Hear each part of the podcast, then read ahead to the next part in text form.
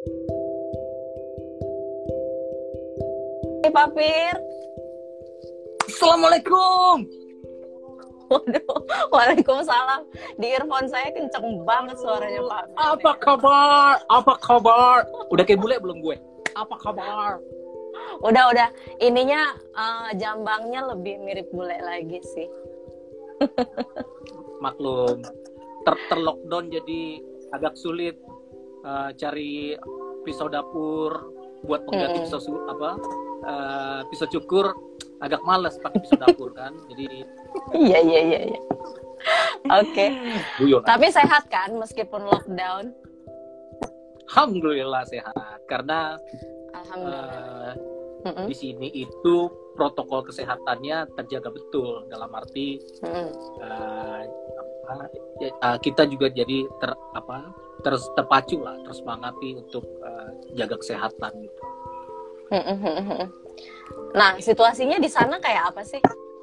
Kalau di Indonesia kan di awal-awal tuh pemerintah bilang eh, semacam denial gitu ya. Kan ada riset awalnya dari Harvard yang bilang bahwa harusnya udah ada kasus tuh 5 di Indonesia per Januari.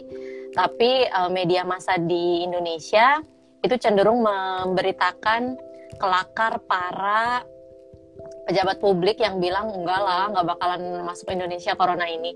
Maka ketika benar-benar dinyatakan ada yang positif kita tuh semacam apa ya eh, nggak siap lalu gelagapan terus reaksi masyarakatnya juga ada yang panik buying eh, ngumpulin apa masker nimbun hand sanitizer dan lain-lain nah gitu. Kalau di eh, OC sendiri gimana nih di Melbourne ya tapi di Melbourne kan Melbourne. Ini udah Ya. udah udah ngemeng nih. Kita udah udah mulai nih. langsung udah mulai dong Nanti, nanti nan- nanti dulu dong. Greetings, Eh, greetings dulu dong. masalahnya kita tuh cuma satu jam dan satu jam tuh singkat banget kalau kita nggak oke, straight to the oke. point Nah, gitu. dua dua dua dua puluh detik sapa ini soalnya kak mahasiswa mahasiswa minta disapa balik nih. iya boleh Eh, Mas Kevin, halo, selamat malam waktu Melbourne. Siapa lagi? Eh, ada ini juga Wilhelmus juga kalbis nih ada mahasiswa kalbis ya eh, ya, baiklah. Soalnya Uh, yang nyebut dan banyak ada- beberapa Ada ada yang nyebut. Oke, sampai ketemu lagi nanti kalau bisa ke Jakarta siang nyapa tadi. Iya, jadi gimana? Kita emang kapan ke serius. Jakarta Ini ngomong-ngomong santai aja kan? Hah? santai Nah, by the way emang kapan ke aja, Jakarta ngemeng-ngemeng. nah ini ada Bu Santi Kalau- udah join halo Hola. Kalau eh, border dibuka, terus penerbangan internasional sudah eh, lancar lagi, eh, mungkin awal awal awal tahun depan lah ya ke sana karena ada harus menyelesaikan eh, ada banyak inilah eh, holeha holeha yang harus disapa dan di, eh, di follow upi urusan-urusan perintilan perintilan bukan Mm-mm. bukan tesis bukan. Oh begitu tapi kalau disertasinya udah beres? Belum. Kalau studi udah bagaimana bisa beres jadi Kenapa? khusus untuk disertasi ka- kami itu kan PhD student ya, PhD student Hmm. di sini Eh, itu kan lebih ke arah researcher ya bukan Mm-mm. bukan student biasa Eh, seperti dirimu tahu jadi as a researcher sebagai seorang peneliti kami itu difasilitasi kantor sendiri gitu, di Hmm. di kampus di, di, di kampus kami di universitas ini kantor sendiri itu dalam arti kantor bekerja seperti layaknya orang kantor bekerja ada perangkat ATK komputer eh, telepon Hmm. segala macam lah termasuk eh, bahan-bahan yang mendukung untuk pekerjaan kami itu nah Hmm. semenjak di lockdown akses untuk ke situ ditutup total Hmm. Nah, jadi memang sekarang eranya era digital, era internet, era yang semuanya bisa ditelusuri secara uh, soft copy. Tapi bukan berarti itu memampukan kita untuk menyelesaikan semuanya uh, secara digital, digital gitu. Hmm. Bahan-bahan yang ada di kantor itu juga cukup penting dan signifikan. Makanya ketika ditutup akses tidak ada ya agak uh, kurang ini juga uh, kecepatan untuk bekerjanya sehingga ya ya butuh penyesuaian-penyesuaian lah. Hmm, hmm. Betul kira-kira. Oke. Ya, semoga lancar. Sebenarnya sama aja sih kalau fenomena fenomena uh, sekolah di sana atau di sini gitu ya. Teman-teman juga ya mahasiswa banyak yang udah enek katanya belajar dari rumah, udah bosen, kangen sama teman-teman, sama gurunya, sama dosennya gitu. Kangen nongkrong-nongkrong yang itu saat ini nggak bisa. Hmm yang dikangenin nongkrongnya gitu yang dikangenin nah tadi balik ke pertanyaan uh, awal okay. soal situasi di sana tuh gimana situasi di sana eh situasi di sini tuh uh, negara secara umum sedang dalam uh, kondisi restriksi. Kalau mau dibilang lockdown boleh. Tapi hmm. uh, lockdownnya tidak uh, menyeluruh. Artinya uh, Australia itu bagi yang belum tahu itu uh, negara bagian. Jadi bukan seperti Republik Indonesia satu kesatuan satu keputusan dari presiden berlaku semua ini tidak. Negara hmm. bagian terdiri dari delapan negara bagian. Uh, state masing-masing uh, state nah saya itu di Melbourne kota yang juga menjadi ibu kota dari negara bagian namanya Victoria. Victoria. Iya, jadi di Victoria sendiri itu diberlakukan total lockdown atau uh, state hmm. restriction. Artinya itu kita sama sekali tidak boleh keluar kecuali beli essential things atau uh, sesuatu yang sangat-sangat penting misalnya suplai makanan, suplai obat-obatan. Nah, selain itu nggak ada.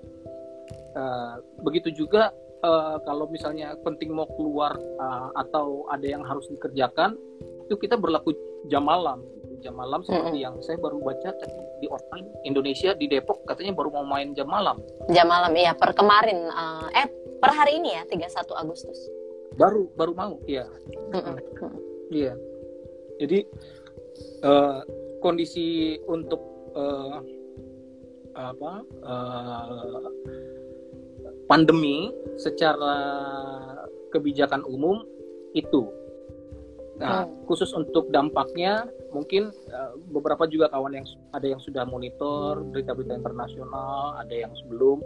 Nah, bagi yang belum, secara uh, dampak uh, kan bisa dibagi ke dalam dua, uh, kesehatan dan ekonomi.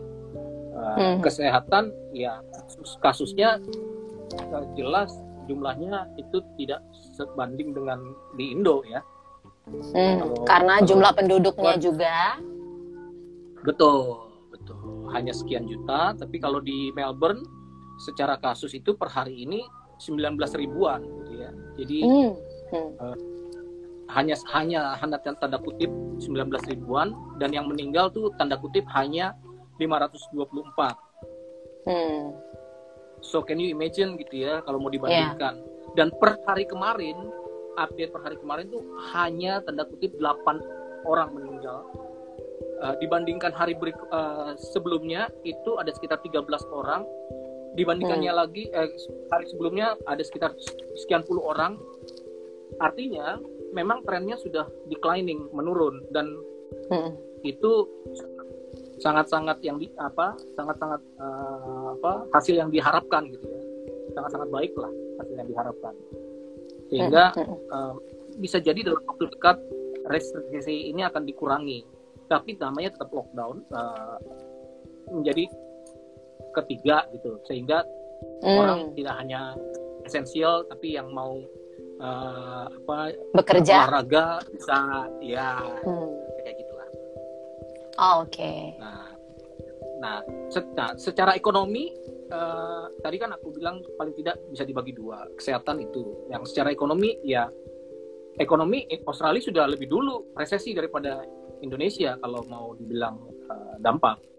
Tapi uh, masih berjalan, masih berjalan. Uh, kemarin juga kita ngobrol-ngobrol dengan kawan-kawan dari uh, anak-anak yang berkecimpung di bidang ekonomi uh, makro gitu ya. Uh, mereka ternyata uh, punya cadangan uh, dana yang cukup gitu loh untuk Hmm. untuk pandemi sehingga uh, tidak begitu terlalu mengkhawatirkan. Meskipun baru berita per hari ini um, uh, sedang jadi diskusi hangat kalau di di subsidi terus bisa-bisa semakin berat ini keuangan negara Australia katanya Hmm. tapi ya tidak begitu mendalami ke sana cuman yang saya lihat uh, atau saya bisa share ngemeng-ngemeng malam ini dampaknya ya uh, mereka yang berstatus sebagai citizen atau warga negara Australia dan Mm-mm. sebagai permanent residence itu uh, secara penampakan itu tidak terlalu uh, mengkhawatirkan karena mereka secara ekonomi mendapatkan supply atau subsidi Hmm. uh, uang cash dari negara. Jadi Hmm. ada yang namanya program job, job keeper dan job seeker itu mereka itu dapat per fortnightly atau dua minggu sekali 1.500 dolar gitu. 15 juta Hmm. kalau dirupiahkan. Ini imagine gitu jadi nge, nge IG aja tiap hari kayak begini dapat duit hidup gitu ya iya hidup hidup boh Iya, jadi iya. mm-mm. jadi ya ya begitulah kondisinya kalau mau di uh, secara umum nah ngomong-ngomong kita mau ngemeng apaan sih nih cuman mau ini aja sih eh, kan soal krisis gitu ya kita sekarang Oh. lagi ada di eh, krisis gitu nah komunikasi krisis di sana tuh lebih ke gimana sementara kan kalau di Indonesia sendiri pengistilahan yang diambil atau dipilih oleh pemerintah itu beda-beda. Dari mulai apa pembatasan sosial berskala besar kemudian ada awalnya new normal terus ternyata chaos gitu kan akhirnya diganti menjadi adaptasi kebiasaan baru gitu. Terus juga ada bahwa kita tidak mengambil istilah lockdown. Nah menarik tadi kalau istilah yang dipakai di Australia sendiri itu memang cuma lockdown ya cuma tadi ada fase ya lockdown 3 gitu Atau Ya, seperti apa? ya hmm. ya ada ada ada fase-fasenya namanya restriction yang mulai dari restriction eh, satu dua tiga empat sekarang yang paling tinggi loh total Mm, mm, mm. jadi nggak bisa ke mana-mana nggak kerja Eh, kalau kita ke pusat kota kebetulan aku sendiri tinggal agak eh, di samping lokasi tengah kota atau suburb gitu ya. Hmm. sekitar Suburb, eh. Tujuh menit driving. Tujuh menit driving gitu. Eh, kalau ke city di pusat kota itu itu mati. Apa se- Hmm. sepai bos sepai. Sepi sekali. Jadi ya memang begitu. Karena karena memang eh, bagi yang melanggar atau yang tidak menaati aturan itu atau yang mau coba-coba keluar kena fine gitu. Fine-nya eh, personal itu bisa 19.000 dolar. Kalau Hmm. company itu bisa berapa puluh ribu gitu itu juga Jadi, yang ini bikin eh, masyarakat eh, nurut gitu ya untuk eh, di rumah I- gitu Exactly. Jadi memang Hmm. kalau soal nurut ada banyak ada banyak faktor ya. Dua di antara yang paling utama yang sepengamatanku ya. Eh, pertama dari tingkat kesadaran orangnya sendiri. Kalau dari eh, apa eh, pemahaman akan peraturan. Yang kedua penegakan peraturan itu sendiri, law enforcement dari si pemerintah sendiri. pemerintahnya Mereka eh, men- menjalankan eh, peraturan dengan sanksi. Jadi ya Mm-mm. tegas ada, begitu ada ya aturan nggak nggak di nggak ditaati dilanggar ya dia di- diberikan sanksi so uh, sejauh ini ber- berjalan dengan baik gitu Mm-mm. ada yang komentar nih orang Aussie kalau hidup di Indonesia seperti sekarang pasti sudah pada mati katanya gitu. Emang benar ya kayak Ah, gitu? Tadi kan bantuannya orang- eh, relatif lumayan ya. Eh, di sana dapat Ya, ini- 15 ribu do 1.500 dolar per bulan. Nggak, sementara di per- Indonesia kan per nggak merata minggu. gitu. Per dua minggu. Oh per dua minggu. Oke. Mm-mm. Bayangin jadi mm-mm. 30 juta per bulan gitu iya 30 iya juta per bulan nge IG doang tiap hari gitu gabut-gabut apa ya bahasa Indonesia sekarang yang lagi keren itu iya Kekinian. gabut mager kekinian Hmm, terus sekarang bahasanya anjay, eh nanti kena saya aduh. Nanti maaf, kena maaf. ini ya KPAI eh, ya.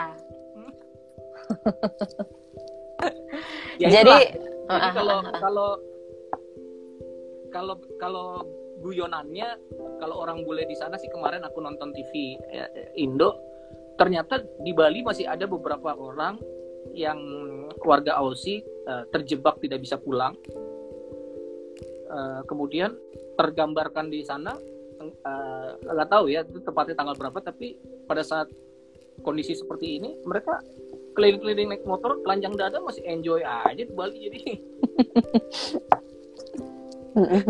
jadi ya begitulah Saya pernah eh, dengar sharing sessionnya Pak Tantowi.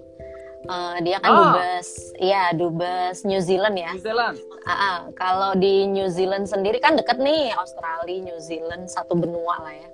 Eh, mereka tuh memang pemerintah punya agenda khusus untuk menghibur para warganya eh, supaya betah di rumah, tetap eh, produktif, terus kesehatan mentalnya terjaga gitu. Dan mereka tuh eh, dibikinin program semacam kalau di kita tuh ada RRI ya, radio publiknya itu bikinin acara gitu, kreatif. Acaranya tuh simple aja, misalkan cara menanam tanaman rumah kayak gitu, atau cara membuat anyaman apa kayak gitu. Nah, kalau di Indonesia sendiri kan saya lihat eh, terakhir tuh baru Kemdikbud yang bekerja sama dengan TVRI dan itu programnya program anak-anak aja buat anak-anak sekolah. Untuk orang dewasanya sendiri tuh nggak disediakan oleh pemerintah secara khusus, jadinya ya kita nyari-nyari sendiri, misalkan ya kreatif sendiri, bikin uh, IG live kayak sekarang kita gitu misalnya, atau bikin uh, kreativitas sendiri. Nah kalau di OSI sendiri gimana nih? Di Victoria Ya, deh kalau- lebih uh, spesifiknya. kalau kalau aku ya sepengamatanku di sini eh, nggak melihat eh, program itu secara khusus ya tapi yang aku lihat eh, dalam konteks penyampaian pesan melalui program tadi seperti dirimu bilang segala hal yang segala hal yang berkaitan dengan antisipasi Mm-mm. akan uh, protokol kesehatan uh, pandemi, segala hal yang berkaitan dengan itu terdeliver dengan baik. Hmm. Whether itu dalam bentuk program yang seperti di New Zealand atau yang saya melihatnya tidak ada yang program khusus di sini, itu semuanya uh, dalam arti semuanya itu pesannya itu nyampe ke warganya. Baru-baru ini kita kan baru masuk ke total lockdown itu per Agustus akhir Juli lah ya. Jadi Hmm. sebelumnya itu masih eh, tanda kutip semi lockdown. Iya. Oke. Nah, begitu di lockdown total itu karena eh, setelah semi lockdown dibuka itu jumlah kasusnya malah naik gitu kan. Kurvanya Hmm. eh, ke atas Meningkat. yang seharusnya turun. Hmm. Nah, Hmm. menyadari adanya eh, problema itu, mereka melakukan antisipasi eh, yang cukup baik, menganggap eh, apa itu semua sebagai indikator yang harus dievaluasi. Nah, hasil evaluasinya adalah salah Hmm. satunya ini yang paling ini yang paling menarik yang yang aku semangat untuk share ke kawan-kawan melalui eh, Bu Nani yang cantik dan baik ini. Apa tuh hasil evaluasinya? bahwa mereka melakukan pendekatan itu mendeliver pesan dengan pendekatan budaya. Oh, Ternyata, ternyata uh, seluruh kebijakan yang diambil di sini itu itu dilakukan atau diambil kebijakannya kalau bahasa orang bule itu evidence based. Iya. Itu artinya semua berdasarkan bukti dan uh, fakta dan data. Me- Hmm. Memang mereka terbiasa melakukan riset untuk mendapatkan fakta dan data itu, termasuk tadi mengevaluasi tadi hasil dari riset juga. Nah, riset Mhm. membuktikan bahwa mayoritas warga di Melbourne itu adalah uh, multikultural. Artinya tidak ada tidak ada budaya uh, mayoritas satupun. Sehingga evidence itu menjadi dasar, menjadi basis untuk mengambil kebijakan yaitu seluruh kampanye 3M cuci cuci Muk- tangan, pakai masker, masker, dan Jaga jarak. eh, apa? Jaga jarak itu semuanya itu dilakukan eh, dengan menyampaikan pesan melalui media dengan bahasa multikultural yang ada di Melbourne ini. Bayangkan, multikultural itu Hmm. ada sekitar 20 negara minimal. Jadi ada kampanye dari TV, radio, eh, medsos itu dengan Hmm. bahasa Inggris udah pasti, dengan bahasa Cina udah pasti. Karena Cina mayoritas, eh, bukan mayoritas, lumayan banyak di sini Mm. aku re- Vietnam juga banyak karena banyak yang mantan refugee. Mm. Terus Eropa eh, mantan refugee dari Italia juga banyak. Jadi Italia, Vietnam, Cina, Inggris, Indonesia bahkan juga sudah dibuatkan kampanyenya. Kalau cek di website ada tuh mohon Hmm. tinggal di rumah saja. Jadi Oke. jadi nah kenapa karena karena memang mereka basisnya eviden bahwa ternyata orang-orang yang tidak mengerti atau yang tidak paham eh, kena virus itu kebanyakan mereka tidak paham bahwa ada anjuran dari pemerintah soal 3M tadi. Nah, untuk Mm-mm. membuat mereka paham, untuk menjadikan mereka aware, di- didekatilah dengan pendekatan budaya bahasa mereka masing-masing. And that's good.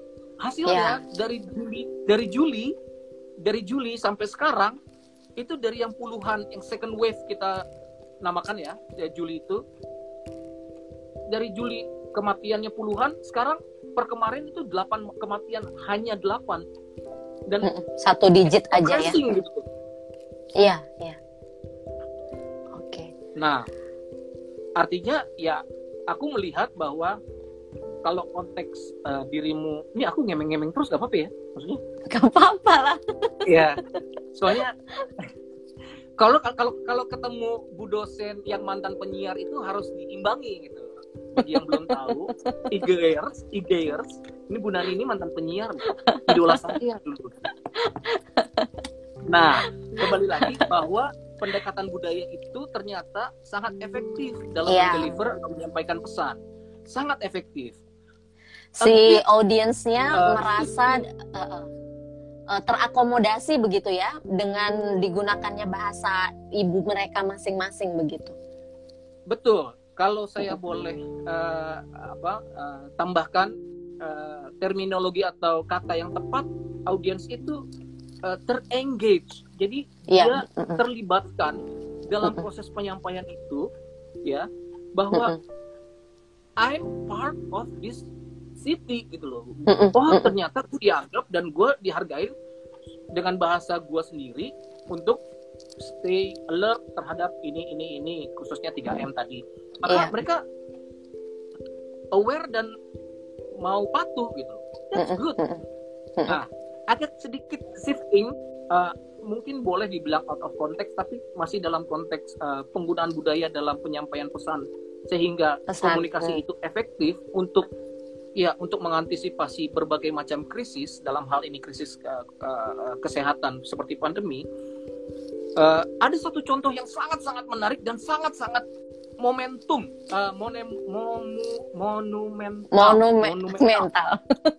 monumental Iya, iya, iya. Yang bisa digunakan sebenarnya dalam konteks penyampaian pesan yang efektif kepada hampir 300 juta rakyat Indonesia kalau menurut aku ya. Apa Hmm.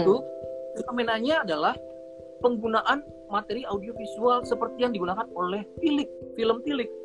Mm, mm.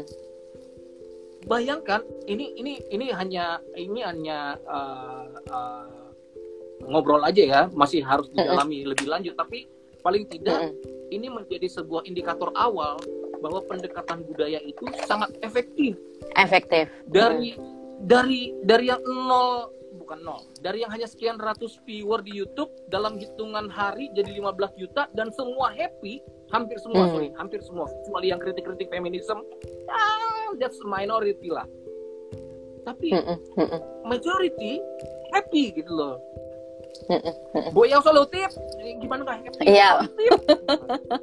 Besok saya mau ngobrol soal itu, soal Oh, butejo iya. dan mulutnya. Ya, Ah. jam 19 lewat eh, 30 bersama ini Charles Bonar Sirait. sekalian promo di sini. Ah, Iya, Pak Apir ini Pak Abel join. Pak Abel kan Thailand banget nih. Nah, beliau tanya eh, bahasa Thailand ada nggak diakomodasi juga nggak di sana nih? Orang-orang Thailand ada nggak gitu? ada, ada, setahu Hmm. ada. Karena eh, aku kan sering denger radio ya. Eh, di sini enak denger radio itu karena mereka eh, sangat-sangat interaktif dan apa ya? ah, kalau aku bil- boleh bilang sangat-sangat cerdas dalam mengemas eh, topik. Hmm. sehingga eh, eh, enak untuk didengarkan. Eh, itu sebabnya yang bisa aku eh, tarik kesimpulan sementara kenapa podcast itu sekarang membooming lagi? Karena orang-orang yang cerdas suka ternyata di, di, dicolek tanda kutip dengan imajinasi audio yang mereka dengarkan. Sehingga ketimbang mereka menonton dia dengerin suara-suara itu meningkatkan imajinasi mereka dan engaging gitu dan Iya. melibatkan mereka interaksi. That's why uh, the moment of uh, uh, the emerging of the podcast itu dapat banget sekarang di sini. Nah nanti khusus untuk Thailand Uh, tadi ada bahasanya Oh ada juga ya. Oke, Eh, nanti eh, live kita ini juga akan naik di podcast saya, Etna Nikania The Podcast. Jadi buat teman-teman yang saat ini nggak bisa join karena terkendala hal-hal yang memang nggak bisa gitu ya. Nah ini bisa eh, nanti join di nanti saya akan ko- convert audio lalu akan naik di podcast saya gitu. Nah terkait podcast menarik tadi disinggung karena mm, kekuatannya tuh selain imajinatif ya, podcast itu juga eh, bisa didengarkan sambil lalu. Artinya Iya. kita tetap bisa mengerjakan hal, tapi juga bisa menyimak sesuatu gitu loh. Apakah eh, konten yang mau kita akses itu adalah eh, menghibur atau kita lagi belajar sesuatu seperti itu. Iya benar dan dan dan saya sangat-sangat terhibur mendengar podcastnya Bu Nani kemarin apaan Saking- sih? benar khususnya khususnya bahasan mengenai komunikasi krisis Publik dan ya. saya sangat terhibur sang, saking terhiburnya saya hanya mendengarkan dari durasi satu jam itu sekitar kurang lebih ya satu jam lebih saya hanya Lebih, ya. mendengarkan sekitar 5 sampai 7 menit karena setelah itu saya terhibur dan tidur gitu jadi Iya. Memang itu podcast ditujukan bukan untuk hiburan yang lucu, kocak gitu enggak sih. Cuma Oh, untuk kan kan itu tematik kan. Iya, betul, orang, betul. orang kan punya tema sendiri tematik Mm-mm, mm-mm. yang, Sa- yang the number ah. one the number one Mm. podcast sekarang kan Michelle Obama kan itu kan dia tentang social life and feminism Mm-mm, mm-mm. Ini ada pertanyaan nih Pak Pir dari boleh. Maradona Supriyat Suripati. Maradona Suripati. halo Om Maradona apa kabar Ini pertanyaannya industri apa yang sekarang lagi berjaya di masa pandemi eh, seperti sekarang ya di OC? yang jelas pijet non syariah nggak berjaya sekarang Oke. a- aku tahu kawan ini kawan ini pengen jawabannya nyeleneh gitu Oh gitu. Ya, Iya nggak apa-apa. Jawab jalannya aja boleh. beliau ini mantan mantan broadcaster di salah satu televisi ternama di Jakarta jadi Hmm. beliau eh, salah satu kolega saya juga dan juga Hmm. senior saya di eh, kampus eh, bertapa dulu di Depok sana jadi eh, terima kasih untuk pertanyaannya industri eh, sekarang-sekarang ini yang paling eh, booming eh, delivery eh, untuk su- apa support eh, food apa eh, Hmm. and beverage. Jadi Oh, Oke. karena ya karena tidak ada atau tidak tidak diperbolehkannya orang untuk dine in dan makan di tempat gitu kan. Mm-mm. Jadi take away ter- terpaksa semua semuanya. Dan uh, Mm-mm. kemarin uh, di grup uh, Indonesia yang di Melbourne gitu ya, ada grup kami orang-orang Indonesia yang di Melbourne, uh, grup uh, WA itu uh, datang apa kesempatan untuk pekerjaan sebagai uh, apa uh, delivery untuk uh, driver Hmm. Jadi, Mm-mm. uh, di tengah banyaknya cut off Iya, uh, jobs, ya, di tengah banyaknya pekerjaan yang dipecat uh, dua minggu lalu seperti mungkin yang dirimu tahu Qantas maskapai Mm-mm. flagship uh, Mm-mm. ternama di Australia itu Di Aussie. sudah memecah per dua minggu lalu itu 6.000 orang bayangkan Oh, oh iya. Mhm, mhm. Oke. saking dahsyatnya gitu ya uh, tidak ada penerbangan tetapi uh, untuk untuk delivery order support uh, food and beverage industry itu malah dibutuhkan pertanyaannya keren ini karena Iya. Uh, khusus untuk uh, food mereka butuh kan untuk tetap mendeliver ke orang-orang. Yang paling utama itu. Kanal untuk transaksinya e-commerce dong ya, sama kayak di kita di Indonesia. Yang lebih banyak dipakai orang saat ini kan. Di sana pun sama ya. iya karena uh, hampir semua kan punya debit uh, card dan credit card ya. Jadi ter- tinggal uh, gunakan apps aja. Terus uh, klik as simple as that kalau bahasa di sini uh, bilangnya tuh click and collect system jadi Mm. kita klik order and then collect diantar ataupun kita mau ambil di satu tempat tertentu yang aman gitu. Hmm. Jadi jadi eh, ya semuanya dibantu oleh eh, mekanisme eh, digital. Mm-mm. Oke, berikutnya ada juga pertanyaan dari Kaisar Moko. Kayaknya ini fansnya Pak Pir juga deh ini. Ini juga broadcaster juga nih. Oke. Ini ini holeh mantan holeha saya juga nih. Halo Om Kaisar, selamat malam waktu Melbourne. Iya. Pertanyaannya di Bali infonya kan jadi awal tahun buat turis mancanegara ya diperbolehkan akan dibuka lagi nih eh, sektor pariwisata kita. Terus kalau di negeri Kangguru gimana Bang Piers? Mulai kapan boleh turis asing? Wow, ini pertanyaannya luar biasa. Nah, yang membuat saya luar biasa itu, yang mengatakan luar biasa itu karena sebelum dua menit sebelum aku join ini, aku buka eh, eh, IG-nya Pak Menteri eh, Pariwisata Indonesia eh, dengan eh, postingannya foto-foto hasil konser pertama di masa pandemi. Tahu nggak? Mm-mm. Kemarin Enggak, enggak. Enggak lihat. tanggal 29.30. Hmm. Ya gimana orang Indo? Enggak lihat. Aduh maaf ya. Yang ada Arman Maulana. Heeh. Taunya konser virtual lah semuanya konser. Enggak. Jadi nontonnya bisa drive thru, tapi Hmm. virtual juga di di, di... Piye toh aduh. Kok jadi aku yang pengamat? Nggak suka nonton konser saya. Loh, Oh, bukan ada kahitna juga katanya tuh. Kahitna, Betul. emang iya? Oh oke. Iya, jadi Iya iya maaf maaf. it's not a matter it's it's it's not a matter of your preferences to watch something but it's a matter of Mm-mm. news ya something that Oke. uh, make uh, make making difference gitu loh.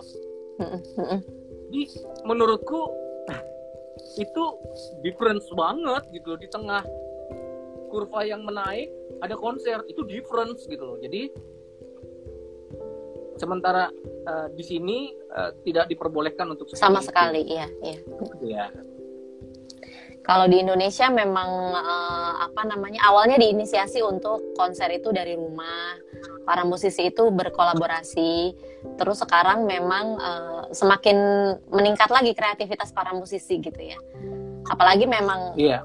kitanya butuh hiburan yang lebih mungkin gitu loh. Karena Benar. Ini stresor nih, bikin stres banget kan pandemi ini kita jadi nggak bisa ke mana-mana, exactly. membatasi. Exactly.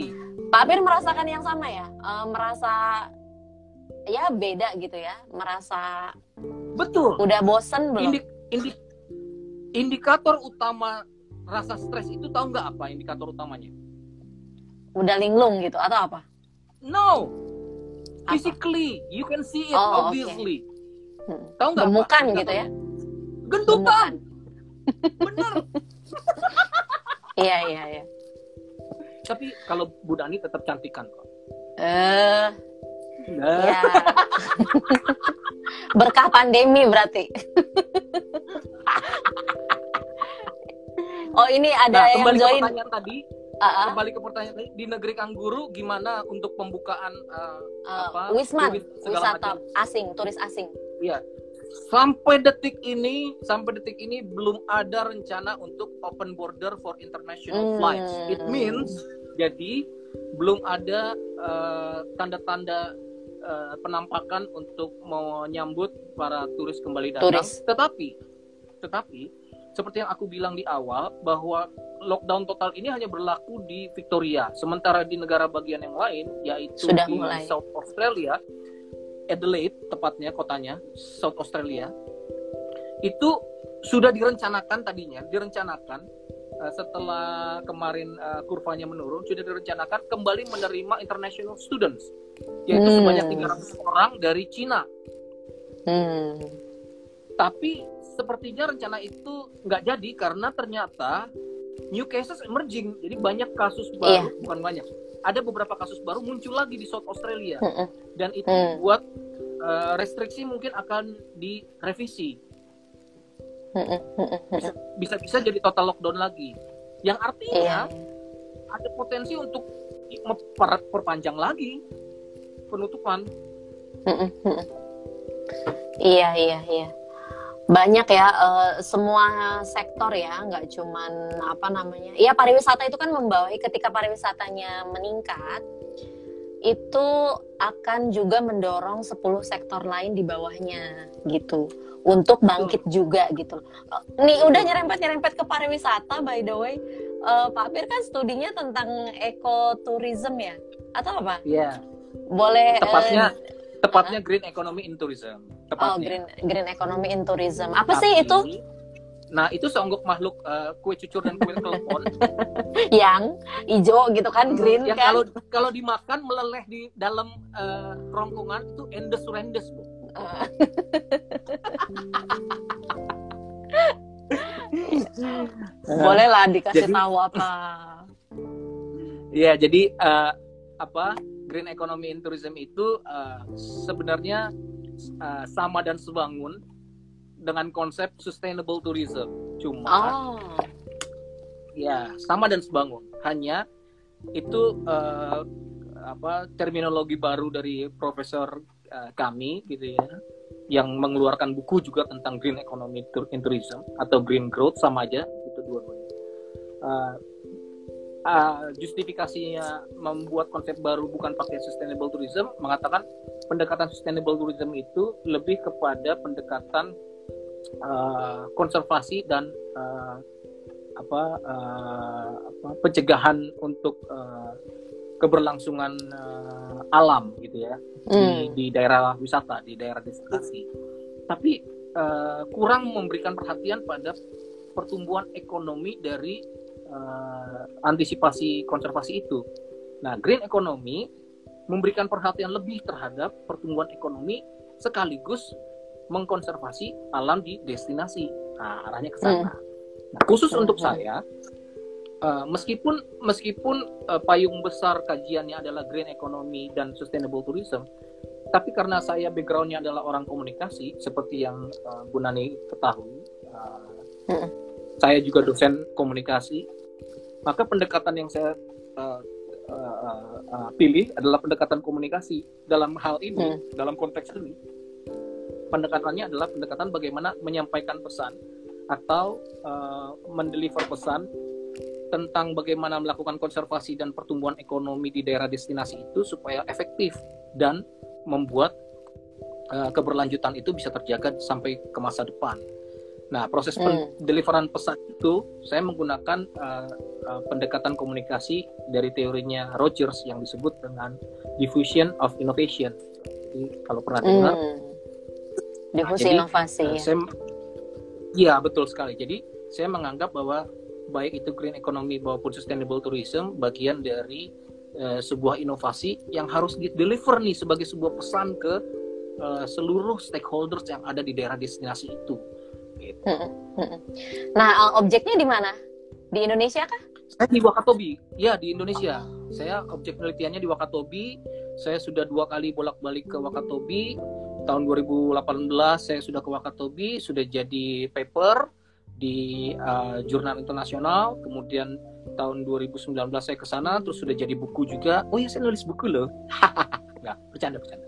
Uh, saya nulis buku bersama kawan-kawan uh, Australia uh, bunga rampai uh, judulnya mewujudkan Indonesia 4.0 yang Hmm. tanggal 3 September diminta bedah buku bersama Menteri Kehutanan tapi saya nggak tahu agenda sekretaris saya belum saya kecek Di- saya tanya sekretaris saya?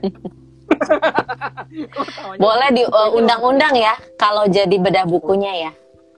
oh ya pasti dong buat Bu Nani apa sih Oh. Kalau virtual kan tinggal mojok aja gitu kan. Yang penting koneksi Iya. bagus. Uh-uh. em emberan dong Oke, ada pertanyaan dari Direktur Operasional Kalbis Institute nih, Pak wow Fir. Ya, Nama- Pak Muhlis nama- nama namanya. Pak Muhlis Muhlis Hakim. Selamat malam Pak Mukli, salam kenal Iya. dari Melbourne. Iya, Pak Muhlis, eh, Pak Pir ini juga sempat menjadi dosen tidak tetap di Kalbis Institute, gitu ya. Beliau dulu ngajar juga di Kalbis beberapa semester, cukup panjang ya eh, pengalaman Panjang, ngajarnya di Kalbis ya. Nah sekarang yang menghandle itu eh, Pak Muhlis nih, eh, Pak Pir Wow. gitu. Keren keren keren. Pertanyaannya, apakah konsep Trihita karena seperti di Bali belum bisa mengakomodir konsep green economics? Sorry sorry. Eh, Eh, Pak sorry. Muklis bertanya bertanya tentang konsep Trihita, Trihita, Ya. Trihita kar Trihita Karana, Karena ya Trihita Karana seperti di Bali itu belum bisa eh, mengakomodir konsep green economics. Sudah bisa terakomodasi belum eh, konsep green economics ini melalui eh, Trihita Karana di Bali gitu? keren sekali. Ini ini pertanyaan luar biasa. Kebetulan ini memang bagian dari kajian kami di di uh, kita itu kalau PhD student itu tadi saya bilang sebagai researcher itu sebagai researcher itu ada kelompok-kelompoknya. Jadi bukan program studi, bukan jurusan tapi group of researcher gitu. Nah, Mm-mm. grup Mm. kami itu uh, salah satunya uh, juga mengkaji tentang bagaimana implementasi uh, uh, Trihita Karana sebagai bentuk Mm-mm. pendekatan uh, budaya untuk implementasi green economy di Bali. Nah, hasilnya sudah dibuat tahun 2014. Itu kita bikin semacam uh, strategic plan itu untuk Mm-mm. implementasi green growth dan green economy di Bali tahun 2050. Jadi Hmm. karena baru dibuat strategic plan uh, kerjasama Victoria University dengan uh, Kementerian Pariwisata pada waktu itu masih dipimpin oleh Ibu Mari Eka Pakis. Mari. Hmm. Mm, Betul. Sehingga uh, targetnya itu uh, pendekatan dengan budaya Trihita Karana di Bali itu bisa dicapai implementasi green economy di Bali itu 2050. Nah, Hmm. Nah, nah, nah ke arah sana itu eh, masih panjang perjalanan. Mm-mm. Tapi- Artinya bukan uh, bi- bukan tidak bisa diterapkan begitu ya pak ya? oh iya, bisa, sangat bisa karena karena pendekatan budaya itu yang sangat sangat efektif gitu ya. Eh, Hmm. Ini berhubungan juga dengan proses penyadaran seluruh stakeholders arti penting eh, tentang dua hal yang utama ya, eh, konservasi alam dan peningkatan ekonomi tan- tanpa merusak eh, alam itu Oh, sendiri. alam itu sendiri betul. Iya.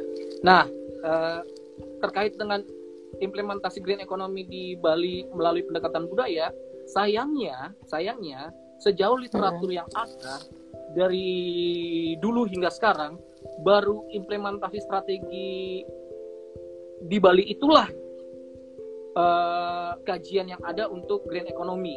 Baru itu Hmm. itu sebabnya Hmm. sa- itu sebabnya saya dipanggil uh, tanda kutip dipanggil untuk bergabung ke ris- grup riset ini untuk membantu uh, proses ini di daerah destinasi yang lain Mm-mm. gitu. Ini bisa Awalnya- menjadi celah juga buat researcher yang lain gitu ya pak ya? Eh, misalnya Betul yang sekali. concern, mm-mm. Betul sekali ini jadinya jadinya bocoran nih, jadinya peluang nih. Ini ini mahal sekali nih harga IG-nya. Ini. Hmm. Nah, aw- awalnya itu eh, kita terlalu optimis, bukan kita sih, saya terlalu optimis menawarkan untuk implementasi eh, strategic plan di destinasi yang lain itu untuk tiga daerah yang mewakili tiga daerah di Indonesia, Barat, Tengah, dan eh, Timur. Barat Mm-mm. itu di Pulau Weh, Aceh, tengah itu di Wakatobi, uh, timur Hmm. itu di Raja Ampat. Hmm. Uh, sorry, bukan Raja Ampat, sorry, saya koreksi, maaf. Morotai, Maluku Utara. Morotai, ya, Pulau W, Tapi, ya baratnya di eh, W. iya, Pulau Weh, Aceh. Nah, tapi uh, hasil dari evaluasi maka kita fokus ke Wakatobi saja dulu.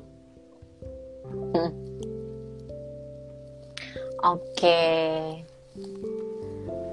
Jadi sebetulnya Pak Pir ini lebih fokusnya untuk objek eh, difusi inovasinya itu penerapan di Wakatobi gitu ya. Iya, betul. Yang yang tidak Bukan- kemungkinan bisa bisa Mm-mm. implementasi ke daerah destinasi lain. Iya, destinasi lain yang juga eh, apa potensi maritim atau apa nih wisata bawah Wisata eh, wi- wisata, wisata keseluruhan mm-mm. terjaga sustainability-nya, keberlangsungannya. Mm-mm, mm-mm, mm-mm, mm-mm. Artinya kalau misalkan Wakatobi ini menjadi model, itu juga bisa diterapkan di eh, destinasi atau daya tarik yang lain, daya tarik wisata yang lain yang sejenis gitu ya. Yang andalannya itu kalau Wakatobi kan eh, bawah laut ya, destinasi wisata bawah lautnya yang eh, indah sekali gitu. Nah, gimana caranya misalnya eh, karangnya itu biar tetap bagus, terus Exactly. tidak ada sampah gitu ya. Sampah plastik kan banyak banget nih di Betul, eh, betul laut sekali. kita. Iya, betul sekali. Nah, nah khusus untuk eh, daerah laut Wakatobi itu yang menarik adalah eh, hasil pengamatan sementara ya. eh, itu sampah-sampah yang menumpuk di sana menurut warga sekitar dan pemerintah sekitar juga, pemerintah sana maksud saya. Itu sampahnya itu bukan dari lokal Wakatobi tapi kiriman dari eh, wilayah lain gitu sehingga Mm-mm. itu Hmm. menjadi tantangan tersendiri untuk membuat strategi yang tepat bagaimana meskipun mereka sudah menjaga daerah mereka dari sampah yang bersih itu bersih sampah tapi terbawa terus arus dari tempat lain ya akhirnya kotor-kotor juga gitu nah itu jadi Mm-mm. tantangan tersendiri tapi anyway eh, saya boleh sapa Ibu Anita Prasojo ini Boleh ini sekali. adalah salah satu petinggi eh, televisi boleh sebut merek nggak Bu boleh lah ya Boleh, boleh. petinggi Trans TV Mm. Selamat malam Bu Anita. Uh, beliau adalah uh, vice president di salah satu vice president di uh, Trans TV. Uh, senior saya, dosen Hmm. saya juga di UI uh, Mm. dan beliau adalah ketua ISKI Jakarta. Oke. Selamat malam Bu Anita, terima kasih Anita. sudah bergabung. Iya. Nah, kalau eh, di Aussie sendiri gimana atau di Melbourne ya lebih khusus? Kan pandemi ini cukup bisa membuat bumi kita itu bernafas gitu kan? Terus juga eh, sampah di laut kalau di Indonesia ini eh, cenderung berkurang kayak gitu karena pandemi karena nggak ada aktivitas orang yang berwisata kayak gitu jadi eh, semacam apa ya ada yang bilang bumi ini lagi healing begitu kalau di sana eh, sama juga seperti itu atau eh, seperti apa fenomenanya Oh iya, uh, memang secara umum uh, pandemi ini membawa berkah. berkah tersendiri Mm. Makanya joke-nya itu kawan-kawan Indo yang di sini bilang ini berkah pandemi ini ada aja. gitu. Mm. salah satunya uh, salah satunya uh, yang di Indo itu beberapa kawan uh, nampilin di medsos langit Jakarta atau Bogor tampak lebih cerah bisa melihat. Gunung Pangrango dari mana gitu kan. Mm-mm. Nah begitu juga di sini gitu sama ya Dan Mm. juga di belahan dunia yang lain. Ya. betul Kenapa? Riset membuktikan lagi-lagi evidence base yang didapat dari hasil uh, paling tidak tujuh bulan terakhir ini bahwa tidak adanya international flight atau sangat-sangat berkurangnya international flight itu membuat tingkat karbon yang beredar di udara itu sangat-sangat berkurang secara signifikan. Which means artinya uh, polusi secara udara yang membuat emisi yang menyebabkan banyaknya uh, kerusakan lingkungan termasuk uh, tidak mampunya kita melihat uh, secara uh, jauh gitu ya karena tertutup oleh polusi itu menjadi bukti yang nyata bahwa memang seperti dirimu bilang uh, bumi sedang lagi uh, healing gitu ya, lagi hmm. lagi mendapatkan berkah. Utamanya dari itu, dari uh, emisi gas buang penerbangan yang paling uh, utama uh, apa, membuat polusi di udara sehingga sebanyak uh, penerbangan yang tertunda sebanyak itu pula yang uh, dirasakan lebih apa lebih baik di uh, udara di dunia ini. Nggak kerasa kita tinggal lima menitan lagi nih waktunya Pak Pir. Iya.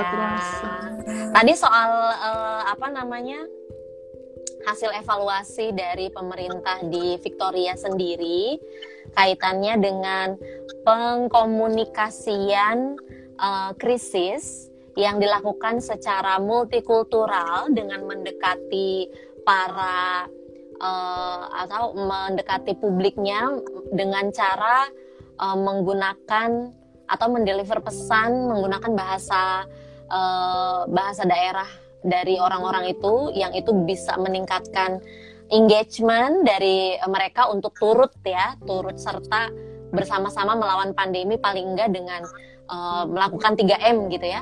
Nah, uh, saya mau bertanya soal kanal informasinya. Tadi Pak Pir sempat singgung uh, TV, radio dan media sosial. Bisa dijelaskan lebih jauh nggak uh, soal kanal informasi yang digunakan oleh pemerintah uh, Victoria untuk menyebarkan pesan tentang uh, krisis pandemi COVID-19 ini?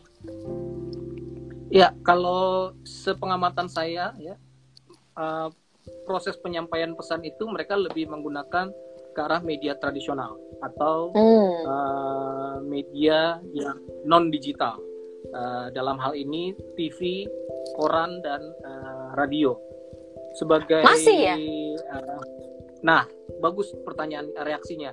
Ya, yang saya mau sambungkan dengan reaksi masih itu adalah ketika dunia atau bahkan uh, secara khusus di Indonesia uh, um, kalau jurnalis Kompas itu senior jurnalis senior Kompas itu mengatakan Mas Bre Redana itu uh, bahwa uh, media cetak itu mengalami senjakala atau banyak yang gulung tikar maka hmm di Melbourne khususnya yang baca koran itu masih banyak bahkan lebih banyak daripada yang konsumsi internet gitu.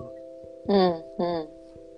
Nah itu sebabnya uh, proses itu karena apa Pak Pir pasti... sebelum di uh, sebelum dilanjut itu kenapa karena orang-orang lebih percaya pada media konvensional dari sisi kredibilitas uh, konten beritanya atau karena memang orang-orang di sana lebih banyak yang usianya itu cenderung ke lanjut begitu.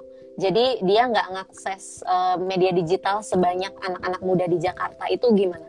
Itu karena apa? Nah, ini, ini pertanyaan bagus nih. Nah, uh, kalau saya tidak punya data yang pasti untuk itu. Kalau uh, bagusnya sih pakai data pasti untuk menjawab. Tapi pengamatan uh, umum, pengamatan umum uh, banyak orang-orang senior dalam arti lanjut usia di sini hmm. itu terbiasa mengkonsumsi media tradisional dalam hal ini eh, media cetak koran. Sehingga uh, penerbitan masih jalan. Uh, kalaupun ada oplah penurun ya tidak lebih dari satu uh, atau lima persen lah maksimal. Itu karena kecil sekali kenapa saya bisa tahu gitu? Karena saya berkecimpung dengan orang-orang yang berhubungan dengan delivery newspaper. Jadi, mm. jadi uh, mereka bercerita bahwa uh, klien newspaper itu masih banyak karena saya masih mendeliver mm. ke banyak orang. Gitu. gitu. Jadi mm. itu menjadi tanda kutip anomali tersendiri, keanehan tersendiri. Uh, itu sebabnya juga uh, apa uh, industri yang terkait dengan paper itu atau newspaper itu masih berjalan ya deliverynya ya distributornya ya uh, medianya itu sendiri gitu loh ya hmm. nah terkait dengan uh, tadi kenapa uh, uh, mereka ke sana saya tidak tahu tepatnya kenapa mungkin uh, bisa dikaitkan dengan budaya mereka memang terbiasa untuk membaca membaca koran itu di sini menjadi budaya uh, setiap pagi sebelum jam 7 pagi biasanya mereka baca koran sambil minum kopi. Jadi Mm-mm. itu sebabnya para pengantar koran lagi-lagi hasil dari cerita dengan teman-teman yang melakukan itu para pengantar koran itu deadline untuk mengantarkan koran ke masing-masing klien atau rumah orang yang uh, berlangganan itu itu tidak boleh lebih dari jam 7 karena jam 7 adalah waktu mereka baca koran pagi hari. Keren kan? Jadi uh, sudah sedemikian ajaknya gitu pola untuk membaca koran No wonder ya pemerintah masih menggunakan media koran ini untuk menyampaikan pesan krisis uh, mereka gitu ya. betul Termasuk Betul. uh, TV-nya TV free to air kan yang dimaksud iya betul ABC. ABC Channel 9 Mm-mm, ABC. Iya, iya. Radio juga ya? Radio juga kah atau radio iya radio juga radio ABC juga ada yang di sini yang radio swastanya itu namanya Kiss FM Eh, dia eh, I-nya double gitu ya. Itu itu radio keren banget. Saya penikmat itu khususnya pagi hari dari jam eh, 6 ya dari jam 6 sampai jam 8 Ya, jadi dia selalu mengangkat eh, topik-topik menarik. Dan beberapa kali pemerintah kota Melbourne eh, Victoria dalam hal ini eh, premiernya Dan Andrew itu dia diundang untuk bicara dan saya sering mendengar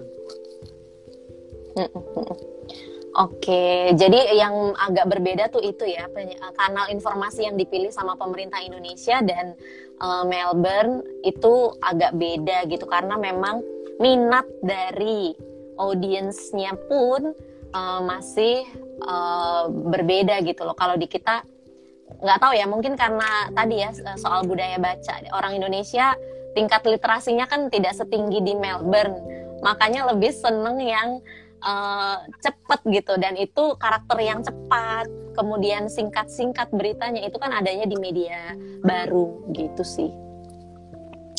Iya. tapi yang lain-lainnya sih cenderung sama ya. Eh, di, di apa terlepas dari orang-orang sana lebih terliterasi kemudian juga lebih eh, patuh terhadap anjuran atau seruan dari pemerintah kalau di Indonesia tuh rame sekali. Kalau kita buka Twitter itu udah, aduh kayaknya tuh semua kritik yang tidak mendasar pun ada di situ gitu. Jadi apa pun yang dilakukan pemerintah itu kayak di sini sebenarnya banyak nih tadi postingan dari uh, soal buzzer ya Indonesia yang uh, membayar influencernya miliaran untuk meningkatkan sektor pariwisata sementara uh, yang harus diutamakan itu adalah saat ini kesehatan, pendidikan gitu sih. Tinggal 35 detik lagi. Terima kasih banyak Pak Pir. Ini harus segera kita akhiri supaya bisa saya save. Untuk teman-teman yang sudah join juga, terima kasih. Kita ketemu lagi. Besok saya akan ada live bersama Charles uh, Bonar Sirait jam 19.30 di channel uh, IG live-nya Kalbis Institute. Sampai ketemu. Terima kasih banyak Pak Pir. Sehat selalu. Terima kasih. Dadah. Tetap sehat dan salam Iya. sama kawan-kawan di sana. Sampai jumpa. Sampai jumpa.